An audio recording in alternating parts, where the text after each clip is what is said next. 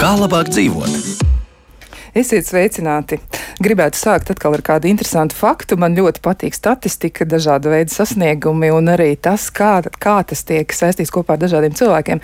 Viena no interesantajām ziņām, ko esam saņēmuši, ir tas, ka pats pats jaunākais pilots, kurš ir aplidojis pasauli solo lidojumā bez apstāšanās, ja tā var to apzīmēt, ir Marks Raterfords. Viņam ir tikai 17 gadu. Nu, tāds pamatīgs sasniegums un droši vien arī Tas varētu kalpot par iedvesmu avotu. Ja? Nu, ļoti, ļoti jauns cilvēks un ir izdarījis nu, tādu lielu, dižu lietu. Un droši vien viņš pats arī sevi ar to var ļoti uzmundrināt. Mēs gribētu būt visi tikpat apņēmīgi, tikpat uh, mērķiecīgi, bet, lai mēs varētu tādi būt, mums ir vispirms jau laikam jābūt veseliem. Šodien mēs runāsim par veselību, bet druskuļi citā kontekstā. Mēs runāsim par to, kā vislabāk saprasties pacientiem un ārstiem. Un vēl arī Gribētu piebilst tādu lietu, ka e, savulaik tiesības sargs ir izteicies par šo visu uh, savstarpējo sa saiknes meklēšanu, komunikācijas nodrošināšanu un tādām lietām.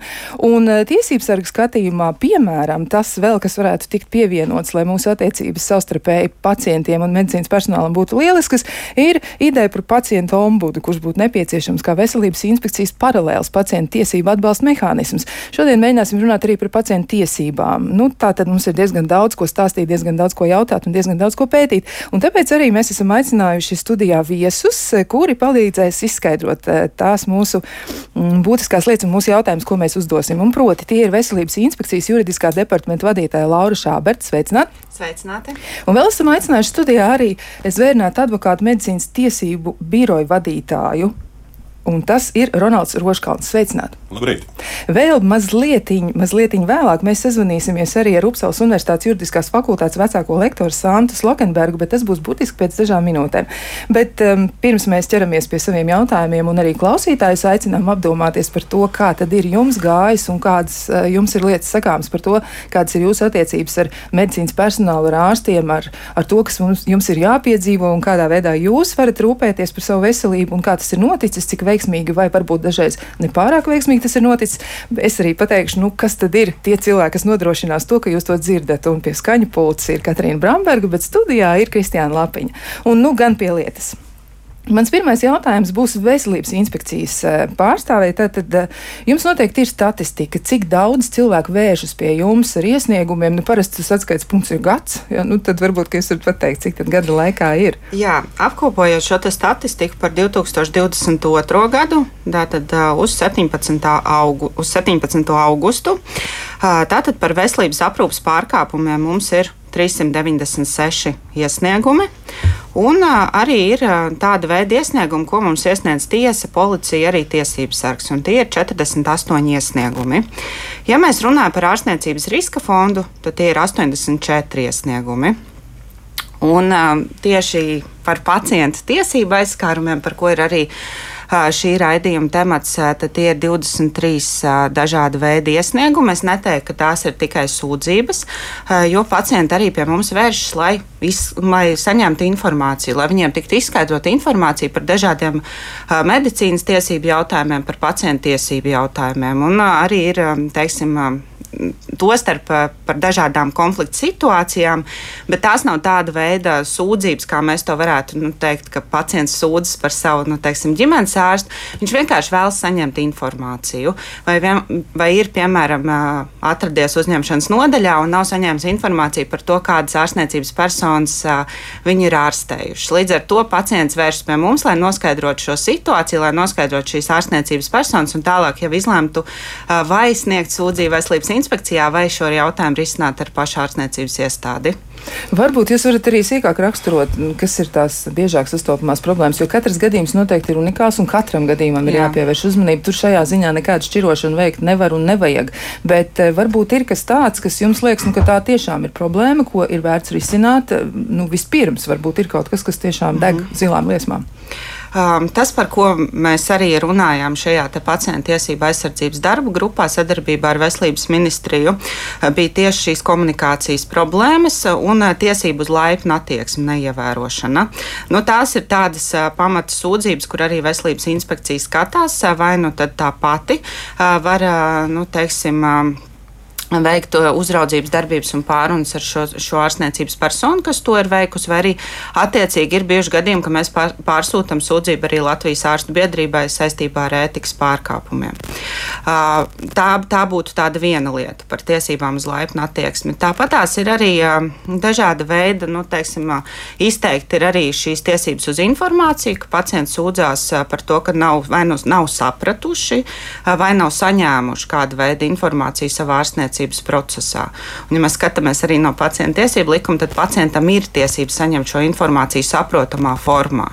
Un, un tas, ko mēs novērojam arī šajās sūdzībās, ka nav, nav, pacients nav sapratis. Un tad bieži vien tas, ar ko nodarbojas arī veselības inspekcija, mēs pieprasām šo dokumentāciju, ja tur ir sūdzība, un mēs arī mēģinam izskaidrot, kas tad īsti ar šo pacientu ir noticis šajā veselības aprūpas procesā, jo acīm redzami viņam tas nav ticis izskaidrots. Un liela daļa arī pacientu pēc tam, kad mēs izskaidrojam, ir arī apmierināti bieži, jo beidzot viņiem ir bijis skaidrs. Viņi tātad ir saņēmuši informāciju. Jā, Jā patiesi tā arī ir pacientu tiesību likumā. Tas ir skaidri un gaiši uzrakstīts, ka viens no daudziem nosacījumiem, kam būtu jāpiepildās, ir arī šis te saņemt kvalitatīvu, laipnu un cieņas pilnu ārstēšanu un aprūpi. Un tātad e, tas ir būtiski, un jūs arī minējāt to, kas likumā ir skaidri un gaiši uzrakstīts, tātad saprotamā veidā iegūt no ārsta informāciju par savu veselības stāvokli, tajā skaitā par diagnozi, izmeklēšanas un ārstēšanas plānu par citām ārstēšanas metodēm un arī slimības prognozi,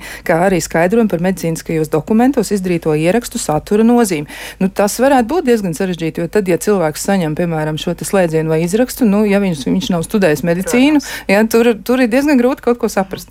Jā, un šeit ir arī dažkārt ir bijuši jautājumi par to, vai pacientam ir tiesības šo informāciju arī saņemt saprotamā valodā.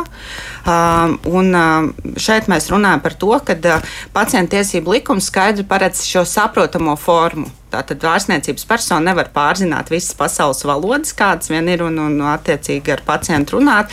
Bet šeit mēs runājam par tādu komunikāciju. Ja nav iespējams teiksim, sarunāties ar pacientu saprotamā valodā, tad var uzzīmēt šo pacientam šo ārstniecības procesu vai kādā citā veidā nodrošināt šo saprotamo komunikāciju.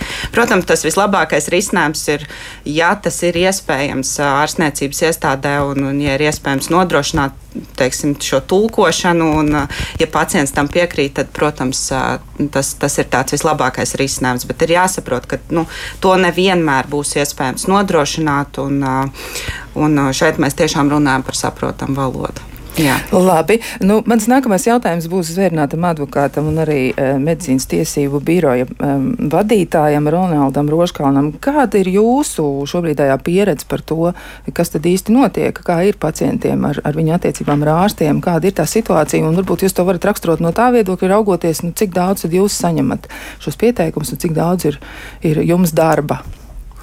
Jā, droši vien, kad ir pie, pie manis vērsts droši vien tie pacienti vai viņu tuvinieki um, gadījumos, kad ir tiešām ir uh, nodarīts um, kaitējums uh, dzīvībai vai veselībai, un līdz ar to ir nepieciešama kvalificēta palīdzība. Um, jāatzīst, ka um, vēršoties pie manis, uh, ir vairāki arī mani klienti Um, diemžēl jau ir izgājuši to etapu, vēršoties arī veselības inspekcijā, veselības ministrijā. Un uh, savu uh, kaitējumu uh, nodarīto seku novēršana, diemžēl, šajā etapā nav bijusi veiksmīga. Tāpēc arī cilvēki arī meklē kvalificētu juridisku palīdzību, lai tomēr šos jautājumus risinātu. Um, tie uh, pamati, ka, uh, uz, uh, kur, uz, uh, dēļ kuriem uh, pie manis vēršas cilvēki, Nu, droši vien, kad arī, protams, arī lielā mērā var piekrist veselības inspekcijas viedoklim, ka tie ir komunikācijas trūkumi, bet uh, pilnīgi noteikti um, šī vēršanās atspoguļo vispārējo. Nu, teiksim, tieši diezgan uh, bēdīgo situāciju veselības aprūpē, chronisku uh, līdzekļu trūkumu visā, uh, visā veselības aprūpes sistēmā. Un, diemžēl tas arī atspoguļojas arī veselības aprūpas kvalitātē. Ja? Tad, tad līdz ar to um, man teikt, ka diezgan daudziem cilvēkiem tiek nodarīts pāri situācijās, kurās reāli šāds kaitējums varētu nerasties. Jau visā pasaulē teiksim, ir ves, veselības aprūpas radīts kaitējums, ir bieži parādība. Tas ir 14. biežākais nāves iemesls starp visiem, un, un ir pielīdzināms tādām plaši izplatītām slimībām kā teiksim, tuberkuloze, malārija. Ja, tas liecina, ka Mm, vidusmērā šīs, šie, šīs kaitējuma lietas veselības aprūpas rezultātā ir visnotaļ bieži. Tā tad arī Latvijā ir šī problēma. Par to noteikti vēl parunāsim, kas ir tas jūsu darba saturs un varbūt arī varbūt, nu, tāds konkrēti neminot detaļas, protams, bet varbūt norādot uz kādiem tādiem ļoti, ļoti būtiskiem trūkumiem veselības aprūpas sistēmā. Varbūt jums būs kāda ilustrācija no nu, tieši jūsu nu, tās reālās prakses. Bet šai eh, mirklī es gribētu uzdot jautājumu arī mm, vēl vienai viešņai, un tā ir Upsalas Universitātes juridiskās fakultātes vecākā lektora Santa Inātas Lokenberga. Sveicināti! Labrīt! Mans jautājums jums būs tāds, sakiet, lūdzu, kā ir eh, citur pasaulē? Nu, jums ir arī pieredze tā, ko jūs gūstat gan strādājot ar šiem jautājumiem, gan arī vērojot to, kā tas notiek citur, ja, un arī Upsalā noteikti, un arī visā šajā reģionā, kas ir mums tepat netālu blakus, ja, nu, tomēr ir, ir kaut kādas lietas, eh, ko jūs esat arī novērojis. Kā ir ar veselības aprūpes eh, šo jomu, piemēram, komunikācijas starp pacientu un medicīnas personālu? Kādas problēmas ir novērojams tur, un kas ir tas, ko jūs par to vispār varētu pateikt? Nu, paldies, Lārs, par jautājumu. Izējas punkts šajos jautājumos ir cieņa pret pacientu un attieksme pret pacientu kā līdzcilvēku, pret pacientu kā cilvēku, kurš vērš pret palīdzību, iecietību un izpratni. Un tas, ko mēs izteikti redzam, ir, ka Latvijā ir izteikts problēmas šajā jautājumā. Nevienmēr viņas ir novērojamas arī citās valstīs. Eh, cieņa, iecietība un iejūtība empātiska attieksme darbā pacientu ir pamats solis ārstniecības personu darbā. Man gribētos teikt, ka bez empiriskiem datiem no virspusējiem novērojumiem, ka um, Latvijā tā ir samilzus problēma attiecībā pret uh, virkni valstu. Um, viens no būtiskiem apsvērumiem, kādēļ tas tā varētu būt, ir laiks, ko var veltīt pacientam. Un pat tad, ja Latvijā ir relatīvi vienkārši, joprojām arī ar mūsu garajām rindām un pacientu pašu maksājumiem piekļūt ārstniecības personām. Šis laiks, kas tiek pavadīts ar ārstniecības personu, ir gana īss. Un ir jautājums, vai ārstniecības personai ir pietiekami iespējas iedziļināties un izrādīt to iejūtību, kas pacientam būtu nepieciešama. Citās valstīs tas, ko mēs savukārt novērojam, ir varbūt ir aizjūtams vairāk laiks, bet ir grūtāk piekļūt veselības aprūpas pakalpojumam. Tā kā tas um, problēmas ir, jā, ir novērojama arī labāka prakse, bet labākas prakses ieviešana arī prasa noteiktus pa pasākumus, mehānismus un iespējams arī varbūt kādas, kādu citu tiesību, eh, zinām, mēra apjomu sam samazināšanu. Tas nozīmē, ka tur ir jābūt vēl kaut kādām pārmaiņām. Un kas ir tas, ko jūs saskatāt, ko tieši varētu darīt, varbūt arī Latvijas situācijā? Jo tāds skats no malas dažreiz ļoti palīdz arī ieraudzīt tādas būtiskas lietas, ko iespējams vajadzētu darīt, lai to situāciju kopumā uzlabotu. Kā jums liekas, kas, kas varētu palīdzēt? Nu, piemēram, tiesības ar gidēju ir par pacientu ombudu, ja, ka tas varētu varbūt iesaistīties kā e, netiesājoša un nesodoša institūcija, ja, bet nu, tas varētu atspoguļot varbūt vairāk tās problēmas un palīdzēt tās risināt. Ko jūs par to domājat? Kāds ir varbūt tas jūsu piedāvājums? Kopumā tā ir ļoti laba doma. Man, es tikai aicinātu arī piedalīties Veselības inspekcijas pārstāvs minētajā darba grupā, un citas starpā viens no priekšlikumiem, kas tika izvirzīts, ir sava veida ombuds arī Latvijā. Nevis gan centralizēta iestāde, bet, bet persona, pacienta tiesība aizsardzības speciālists, kas būtu pieejams kas strādātu lielākajās ārstniecības iestādēs, lielākajos stacionāros, arī lielākajās ambulatorijās iestādēs un konsultētu un sniegtu atbalstu gan pacientam, gan ārstniecības iestādēji pašai un tās darbiniekiem īstenojot pacientu tiesības. Tas pirmais solis, kas, manuprāt, ir jādara, mums likums ir, ir jāatrod labs veids, kā likumu iedzīvināt praksē. Un šis tiesības sarga rosinātais modelis, kaut kāda veida ombuds, eh, ko darba grupa ir rosinājusi, um, mazliet konkrētāk balstoties Somijas pieredzē, ir pamata solis kas būtu nepieciešams. Bet tas ir ne tikai tas. Tas, ko mēs redzam, ir būtisks trūkums izglītības jautājumos pacientu tiesībās. Un ja izglītība nav ielikta par prioritāti, ka ārstniecības personām ir jāsaprot juridiskās ārstniecības tiesību, tiesiskie aspekti, un ir jāizprot pacientu tiesību aizsardzības mehānismi un pacientu tiesību jēga, ko tas prasa no viņiem katrā konkrētā situācijā, tad ir ļoti grūti šīs tiesības īstenot. Līdz ar to tas ombuds, pacientu tiesību speciālists, jā, tas ir nepieciešams un mēs tur redzam, kā risinājumu, kas varētu palīdzēt. Bet ne tikai tas, ir jāveido komplekss pasākums un arī jādomā par izglītību.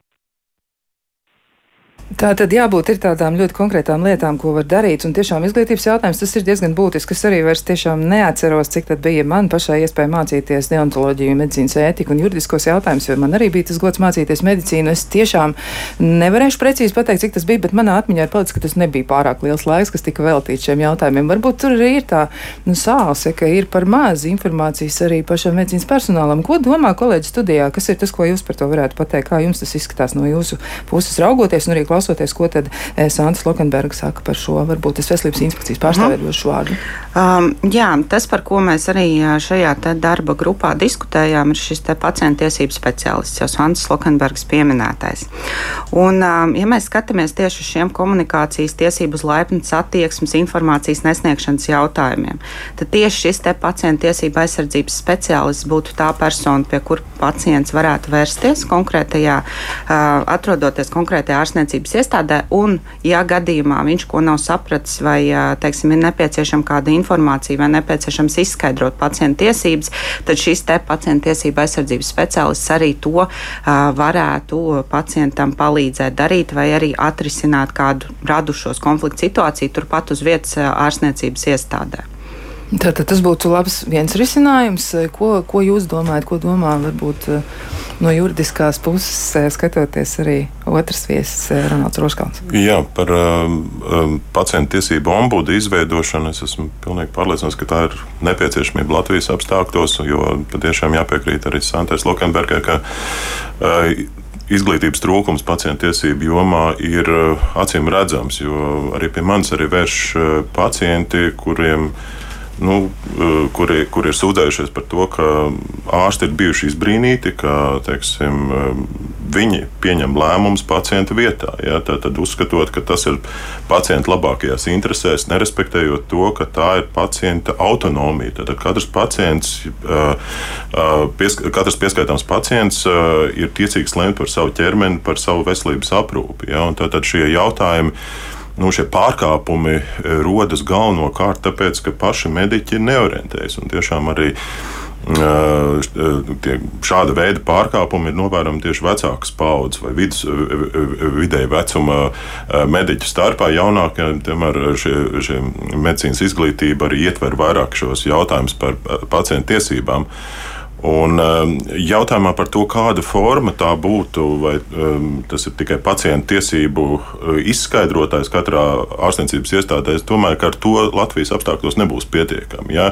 Par to arī liecina uh, Rīgas Austrum Kliniskās Universitātes slimnīcas pieredze, kurā kādu laiku arī eh, darbojās eh, šāds pacientu tiesību ombuds, un kas, eh, godīgi sakot, pildīja vairāk, protams, arī šis izskaidrojošais darbs bija, bet vairāk pildīja kā šo zibens novedēja funkciju. Ja, tā, tā, lai tieši drīzāk ārstniecības iestādes interesēs darbojoties. Ja, bet šim pacientu ombudam būtu jābūt reālai rīcības brīvībai, teiksim, noskaidrot šos apstākļus un tieši arī noskaidrot, kā pacientam palīdzēt, nevis, izskaidrot, nevis tikai izskaidrot eh, kaut kādus neskaidros jautājumus eh, situācijā iesaistītajiem mediķiem. Ja? Tā kā šim pilnvarojumam tomēr būtu jābūt plašākam, lai uh, sniegtu reālu palīdzību pacientam, ne tikai skaidrojošu darbu.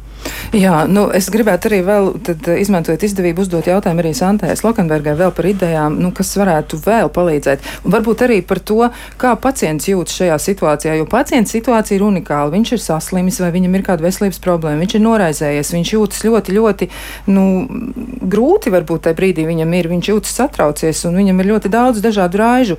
Kā varētu palīdzēt vēl pacientam justies labāk? Kā ir ar pacientu pašu izglītību šajā jomā? Vai viņi apzinās savas tiesības? Un kas ir tie jūsu novērojumi? Kā varētu veicināt tieši pacientu e, zināšanu, e, pieaugumu par savām tiesībām un arī par to, kā viņi tad varētu veicināt komunikāciju arī no savas puses?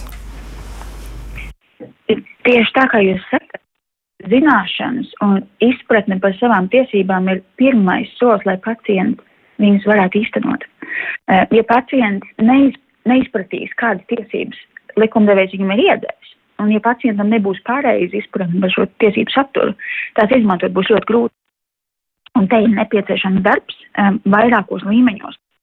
Um, tas pirmais ir jāizskaidro pacientiem kā grupai un dažādām pacientu grupām atsevišķi, ko tad pacientu tiesību likums nozīmē un kādas tiesības likums dod katrā konkrētā situācijā un arī katrai konkrētai pacientu grupai. Tā piemēram, mums ir īpašas pacientu grupas bērni, mums ir jādomā par bērniem, viņu likumiskiem pārstāvjiem, parasti vecākiem, viņa tiesību miedarbību, tā lai katrai grupai būtu adekvāta izpratne. Tas pats mums ir personas, kurām ir apgrūtināti, um, apgrūtināta lemtspēja, lemtspējas traucējumi, piemēram, veselības stāvokļa dēļ. Viņi nespēja pilnvērtīgi iesaistīties lēmumos par savu aizsniedzību, bet samazinātā apmērā un ir nepieciešams noteikti atbalsts. Tā kā tas pedagoģiskais darbs, skaidrojošais darbs būtu pirmais, un tur gribētos redzēt lielāku iesaisti no valsts pārvaldes iestādēm kas arī, saprotu, ir noteikti dienas kārtībā, drīzumā arī Latvijā veselības inspekcijai. Um, otrs ir skatīties, um, vai pacienti izprot uh, šos savus tiesību aizsardzības mehānismus. Un visefektīvākais parasti ir vērsties ārstniecības iestādē uzreiz tur, kur tiesība aizskārums ir noticis. Un tad mēs runājam par pilnu spektru tiesību aizskārumiem, kādi var notikt.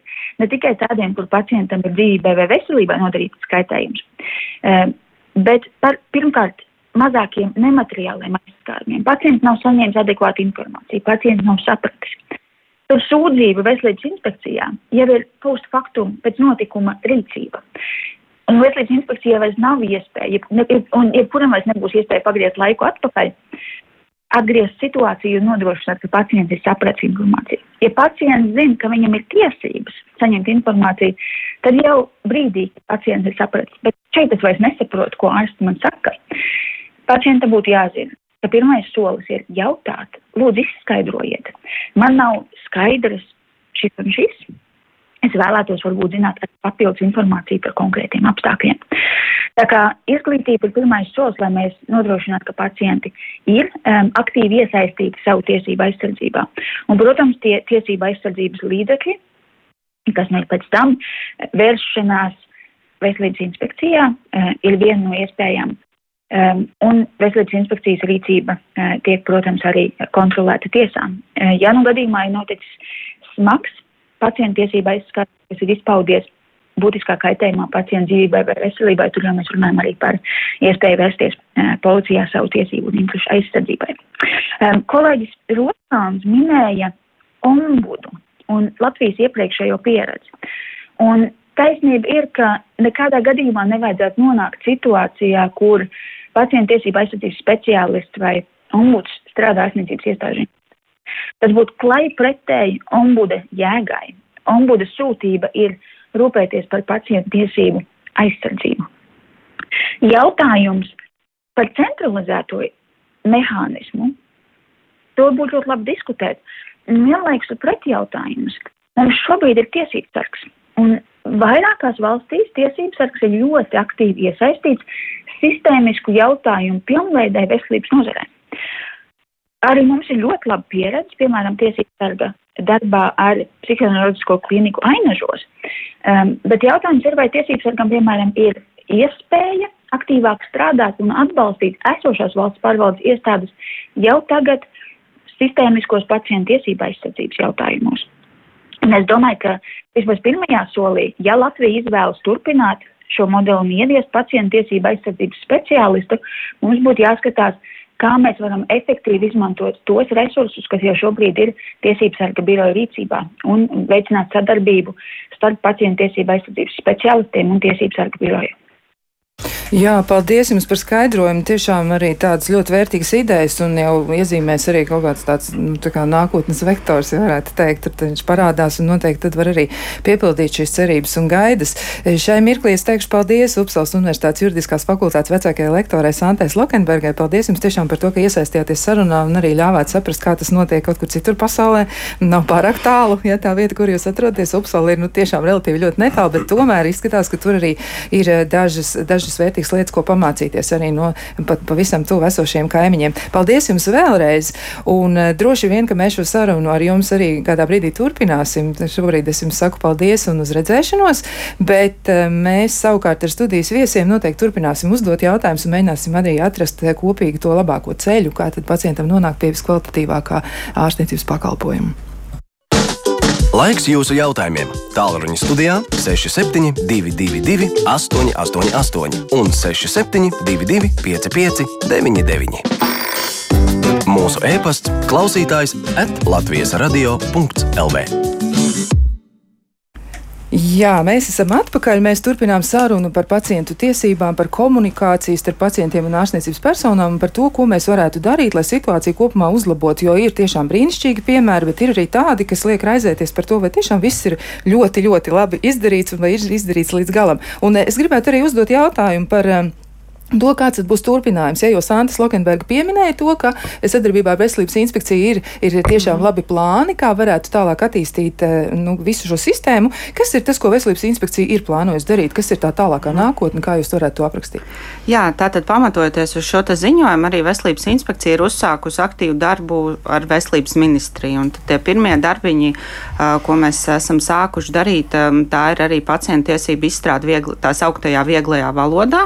Un un, un auditorijas varētu būt dažādas. Tā varētu būt bērnu auditorija, kur varētu būt arī attiecīgi attēli klāt, lai, lai bērns saprastu, kā tad īsti ir atrasties pie ārstniecības personas. Otrs varētu būt nu, teiksim, cita veida pacienti arī ar dažādu veidu traucējumiem, lai varētu saprast vieglā, tiešām vieglā valodā šo pacientu tiesību likumu. Tad tas ir tas pirmais, ko esam uzsākuši.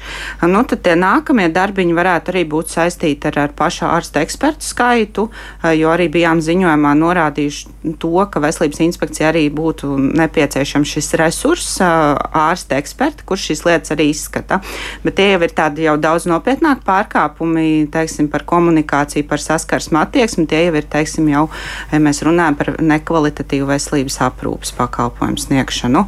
Un, un te mēs arī bijām norādījuši, ka trūkst šo ārstu ekspertu un, un mēģināsim arī kaut ko darīt lietas labā. Tāpat arī šī pats, atbalsta sniegšana veselības ministrijai šajā pacientu tiesību likuma, nu, teiksim, tajās normās, kur ir nepieciešama šī pārstrāde, kur mēs arī bijām snieguši priekšlikumus, ka pacienta labā būtu šo normu nepieciešams izteikt citādākā redakcijā.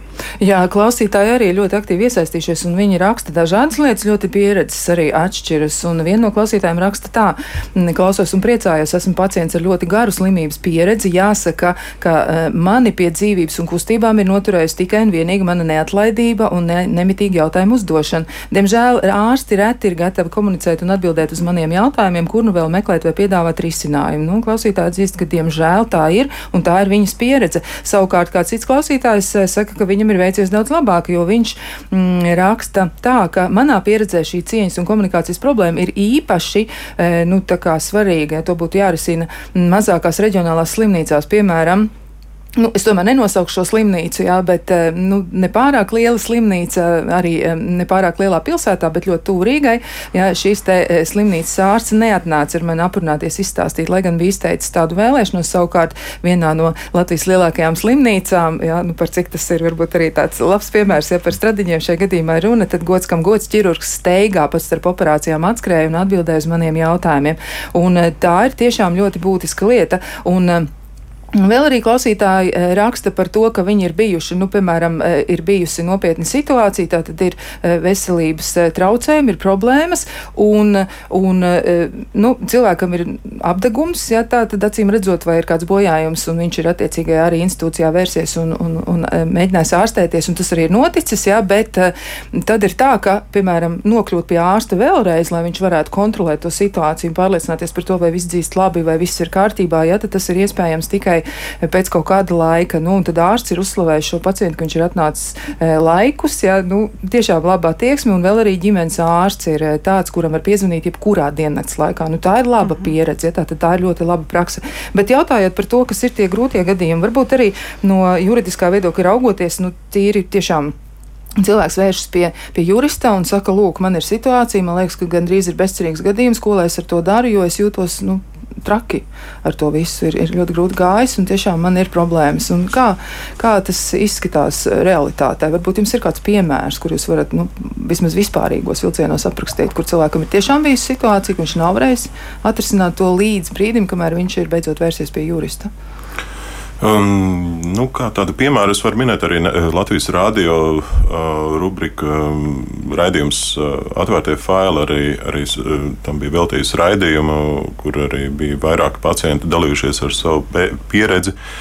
Uh, bēdīgo pieredzi, un uh, um, tās visas ir reāls lietas. Un, um, Un, un arī kā, teiksim, kā viens no piemēriem bija, ka pacientam bija veikta pavisam atšķirīga operācija nekā tā, par kuru bija runāts iepriekš ar ārstu ambulatori tiekoties.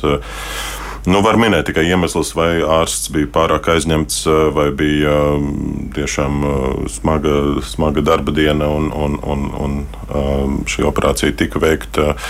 Um, savādāk nekā bija runāts. Tāpat arī par, par saulē arī bija citi pacienti. Māte pacientam, kurš bija miris pēc. Pēc asins saindēšanās, kas bija attīstījusies,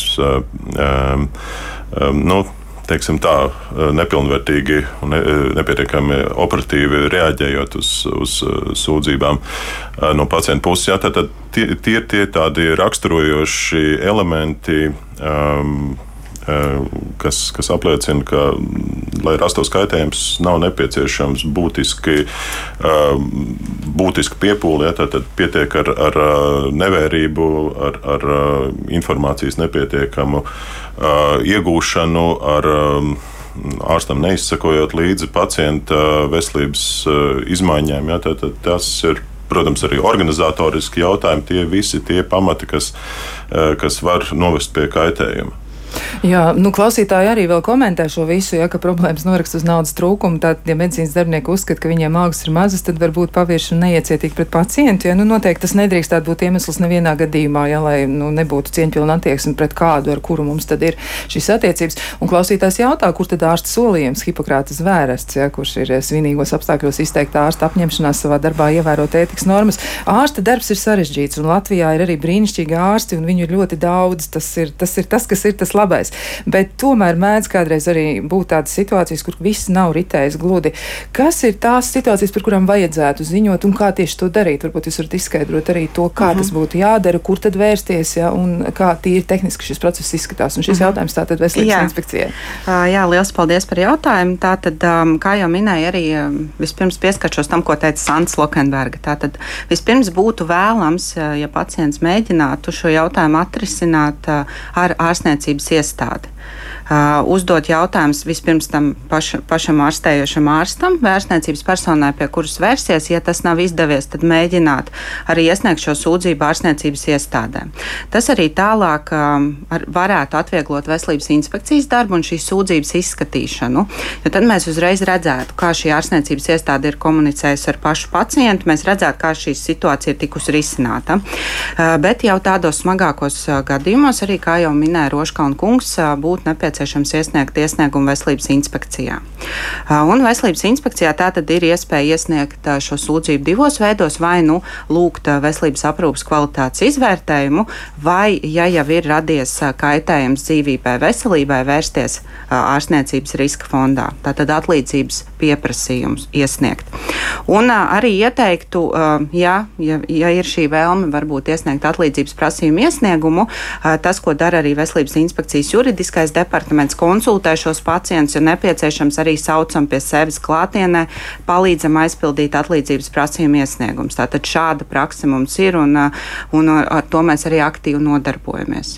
Tā kā Jā. nav tā, ka pacientam viss ir jāzina, noteikti var zvanīt, ja, ja kaut kas ir neskaidrs, mēs palīdzam arī šos iesniegumus aizpildīt, iesniegt un arī izskaidrojam šo te izskatīšanas kārtību.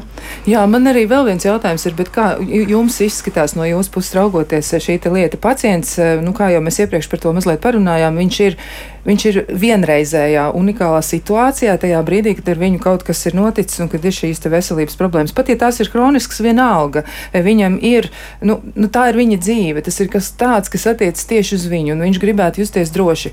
Bet tāpat laikā ļoti daudz pacienti arī neizmanto šo iespēju vai neizpēta pat šīs pacienta tiesības, vai viņi nejūtas pasargāti. Kas tas ir par nosacījumu, kas strādā un strādā pret mums un strādā negatīvi? Vai tas ir, nu, nezinu, laika gaitā izveidojies priekšstats, ka ārsts ir kaut kas tāds, ja, ka mēs nevaram teikt neko, vai arī vēl kas cits, kā tas nāks, ka pacienti tomēr e, pat tajās situācijās, kur viņiem tiešām būtu jāmēģina uzstāt uz savām tiesībām, un tas noteikti pozitīvi ietekmētu mūs visus ilgtermiņā, viņi to tomēr nedara. Kā jūs to izskaidrotu? Kas pietrūkst? Zināšanas, kā varbūt teica Lakenbergs kundze, vai, vai varbūt vēl kaut kas? Mm, viens ir šīs zināšanas, otrs varbūt no šī ārstniecības personas puses tāda iedrošināšanas attieksme, ka šis pacients tiešām droši jūtās un arī varbūt pašai ārstniecības personai vairāk panākt pretī, vai tev ir kādi jautājumi, vai tu vēlies izteikties par, par šo attiecīgo manipulāciju epizodu, lai, lai šis pacients nejustos vājāks šajā veselības aprūpas posmā. Teiksim, no šī komunikācija komunikācija ļoti būtiska, un arī tie ir tie jautājumi, ar, ar ko būtu jāstrādā. Bet arī izpratnes jautājumi ne tikai pašam pacientam, bet arī regulārs izpratnes jautājumi pašā ārstniecības iestādē. Un arī varbūt tas, kas netika tik ļoti pieminēts iepriekš, par ko mēs diskutējām, bija arī šis pacienta tiesību īstenošanas plāns katrā vienā ārstniecības iestādē. Tas, kā katras ārstniecības iestādes vadība rūpējas par to, lai ārstniecības personas arī pilnībā izprastu šīs pacienta tiesības, saprastu pacientu. Te mēs runājam par regulārām apmācībām, par regulārām, nu tiešām, kad ārstniecības personas mācās komunicēt ar šo pacientu un, un arī dažkārt varbūt iejūtās pacienta lomā, lai, lai varētu š, nu, šos jautājumus saprast. Ja? Jā, jā, un no jūsu puses, no juridiskās puses? Es, um, es domāju, tā, ka īsti korekts nav apgalvojams, ka pacienti nezinātu savas tiesības. Mm -hmm. ja? tad, tad, tas ir elementārs cilvēktiesības un teiksim, mm -hmm. tiesības uz konfidencialitāti, tiesības uz to, ka pirms ārstēšanas ir jāsaņem pacienta piekrišana. Tās ir pietiekami. Uh, um, nu, jebkuram saprātīgam cilvēkam saprotams, pat ja uh, viņš nav uh, lasījis šo pa, uh, pacientu tiesību likumu, kur šīs tiesības ir nostiprināts. Tā būtiskākā problēma ir tas, ka šo tiesību realizācija ir ļoti apgrūtināta Latvijā. Ja? Tā tad arī Veselības inspekcijas pārstāve arī minēja šos tiesību aizsardzības līdzekļus, tiesiskās aizsardzības līdzekļus. Uh, viens no tiem ir uh, tiesības iesniegt sūdzību un šīs tiesības ir uh, nostiprināts gan Latvijas tiesību aktos, gan arī starptautiskajos uh, tiesību aktos, kas Latvijai ir saistoši. Un šī, šī tiesība paredz, ka pacientam ir tiesības iesniegt sūdzību un saņemt atbildi pēc būtības, kā ir realitāte Latvijā. Šobrīd, diemžēl, šo situāciju padara, apgrūtina tiesu praksē nostiprinātā atziņa, ka šīs pacienta sūdzības, kas ir saņemtas veselības inspekcijā, izskata iesniegumu likuma kārtībā. Ko tas nozīmē? Ka faktiski pacientam tādās situācijās viņš var saņemt nu, faktiski jebkuru tādu uh, daudz maz saturīgu atbildi. Atbild uz iesniegumu, kas pēc būtības uh, neatspoguļo šo uh, problēmas risinājumu. Ja, tad, tad, uh, un, un šādos apstākļos vēl to vairāk pasliktina situāciju, ka iesnieguma likuma kārtībā sniegta atbildi var pārsūdzēt tālāk. Uh, iestādes vadītājiem un tālāk arī, arī administratīvā tiesā, bet tikai vienā instancē.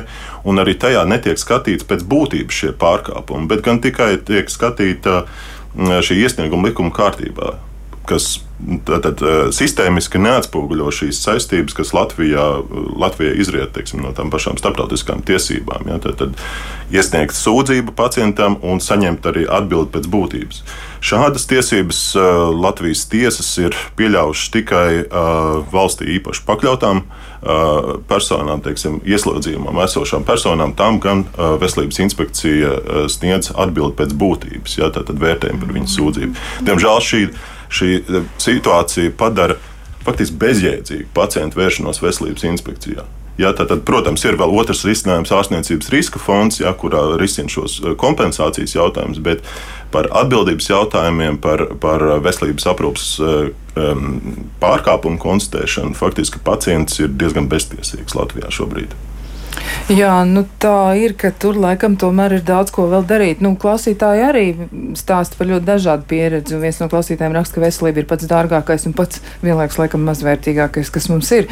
Jā, nu, tādā pārnestā nozīmē. Un, diemžēl pacientam ir ļoti maz iespēja pirms eh, nonākt speciālistu aprūpē iegūt informāciju vai citu e, pacientu pieredzi par konkrēto um, speciālistu. Jā, un tad attiecīgi ir kaut kādas arī sekas. Nu, tas, tas ir problemātiski. Un eh, te arī vēl viens klausītājs ir uzdevis šo jautājumu. Viņš atsaucas arī uz e, citu valstu pieredzi, vai ir kāds apkopojums un vai tiek veidot statistika, ja, jo nevar tā būt, nu, ka, ka slimo visi kopā, ja veselības aprūpē, tad nu, tur tomēr ir tās nianses.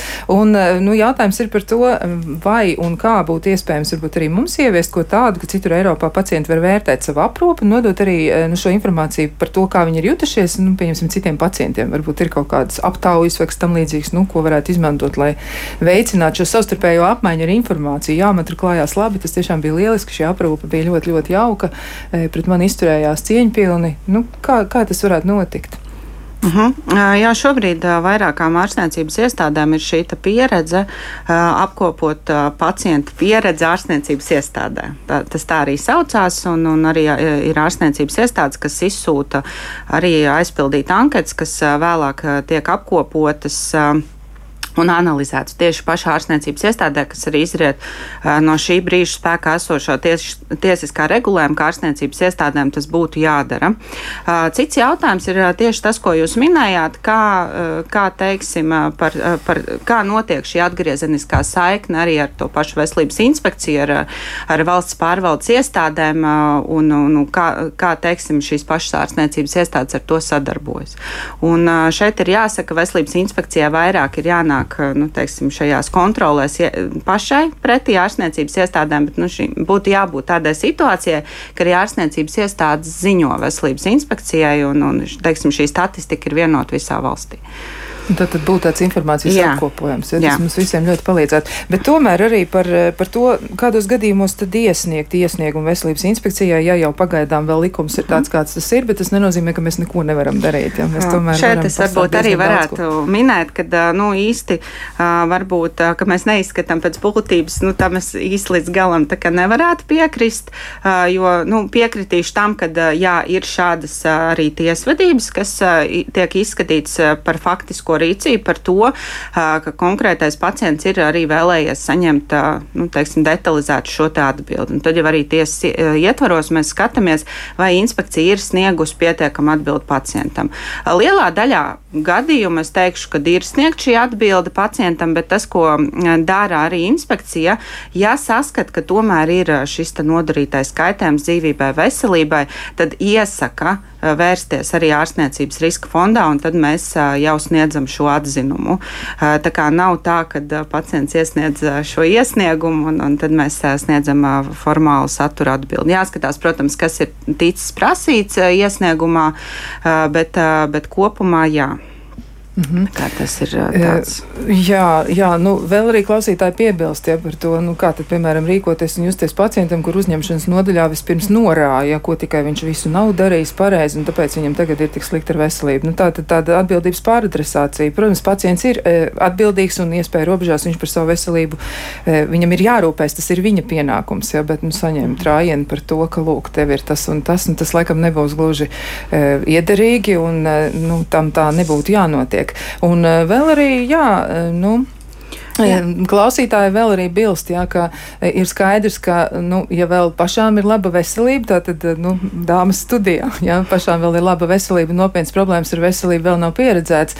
Ja Latvija ir tik maza un nopietnām kaitēm ir tikai daži speciālisti un ir maz laika, ja, nu, tad nu, tas nav īsti labi, ja nevar gaidīt to, ka nu, viss būs labi. Un, nu, mums ir piedāvājums sākt ar nopietnu organizācijas, nu, tādu organizācijas, kopējās sistēmas sakārtošanu, veselības sistēmas sakārtošanu, ja, kur kas ko kā. Un to nevar izdarīt pats pacients. Un arī e, ceļš, kur attiecīgajā jautājumā var meklēt palīdzību, būtu jāpaskaidro tieši veselības aprūpas personām. Ja. Pie katras kaitas uh -huh. ir citas kaut kādas lietas, ja, un dažādas lietas ir jārisina.